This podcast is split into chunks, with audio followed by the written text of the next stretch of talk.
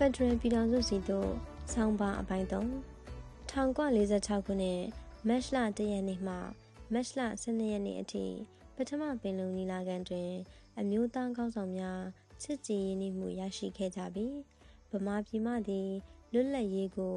ဥစွာရရန်အကြောင်းဖန်လာခဲ့သည်ဗိုလ်ချုပ်အောင်ဆန်းအမှုပြုသောဗမာပြည်မှအစိုးရအဖွဲ့ကိုယ်စားလှယ်များကို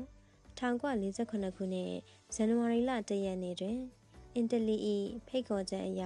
လန်ဒန်မြို့သို့ထွက်ခွာခဲ့ကြသည်ထို့သောနှစ်ဖက်တွေ့ဆုံစဉ်ဗိုလ်ချုပ်အောင်ဆန်းကဗမာပြည်မနှင့်အတူတောင်တန်းဒေသများကိုပါတပါးတည်းလွတ်လပ်ရေးပေးရန်အရေးဆိုလေသည်ထို့အခါရှမ်းစော်ဘွားများကဗိုလ်ချုပ်အောင်ဆန်းသည်ဗမာပြည်မကိုသာကိုစားပြုပြီးရှမ်းပြည်နှင့်တောင်တန်းဒေသများကိုကိုစားမပြုကြောင်းကျေးနန်းစာပေးပို့ခဲ့သည် ကျေးနန်းစာပါ အချက်များအနေဖြင့်နံပါတ်1ဗမာမင်းများလက်ထက်ကလေးကရှမ်းပြည်သည်တီးစားနယ်အဖြစ်တည်ရှိနေကြောင်းနံပါတ်2ဗမာပြည်မှအားလွတ်လပ်ရေးပေးရန်ဆုံးဖြတ်ပါက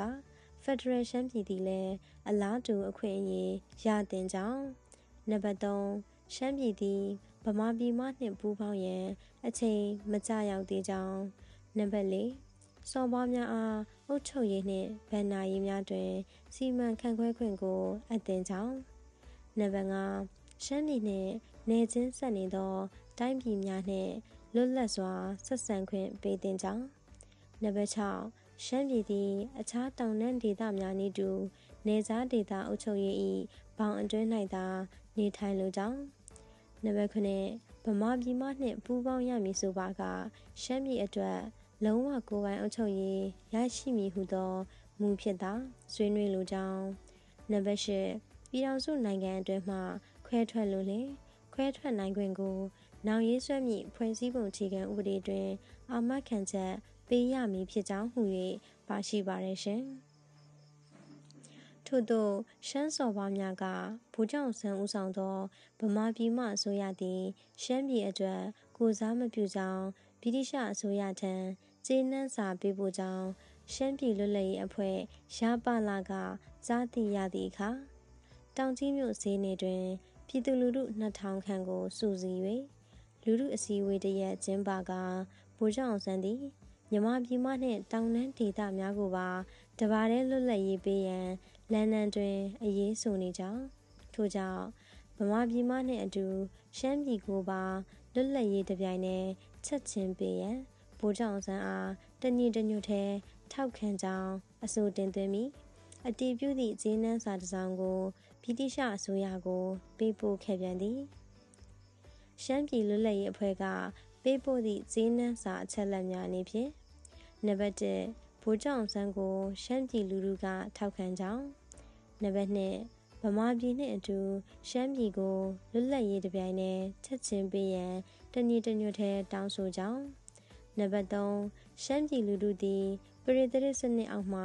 မနှင်းအမြန်လွတ်မြောက်ရေးကို တောင်းဆိုကြောင်းစသဖြင့်ပါရှိပါရရှင်အခုတင်ဆက်ပေးခဲ့တာကတော့ Federal ပြည်ထောင်စုစီတို့ဆိုတဲ့စောင်းပါကဏ္ဍလေးကိုဒေါက်တာဆလိုင်းလျံမုံစာခေါင်းရဲ့2023ခုနှစ်ဒီဇင်ဘာလ23ရက်ဒုတိယအကြိမ်ထုတ်ဝေသည့်ပင်လုံကတိကဝတ်များဆိုတဲ့စာအုပ်1990 ရွေးကောက်ခံလွှတ်တော်အမတ် ခွန်မတ်ကိုပန်းရဲ့21ရာစု ပင်လုံစိတ်ဓာတ်မှသည် ဒီမိုကရေစီနှင့် ဖက်ဒရယ်ပြည်ထောင်စုစီတို့ စာအုပ် ခွန်ဦးရဲပင်လုံလက်ဆွဲ ပြုစုရေးအဖွဲ့ခေါင်းဆောင်၏ပင်လုံလက်ဆွဲစာအုပ်တို့မှာ ဖော်ပြထားတဲ့စောင်းမဖော်ပြချက်များအနက်ရမနက်ပြည်သူအဖန်ဝိုင်းတော်သူ ဝိုင်းတော်သားများရဲ့ကျိုးပန်းကောက်နှုတ်တင်ဆက်ထားမှုကို ကျမຫນွေဦးက အတန်သွင်းတင်ဆက်ပေးခဲ့ရပဲဖြစ်ပါတယ်ရှင်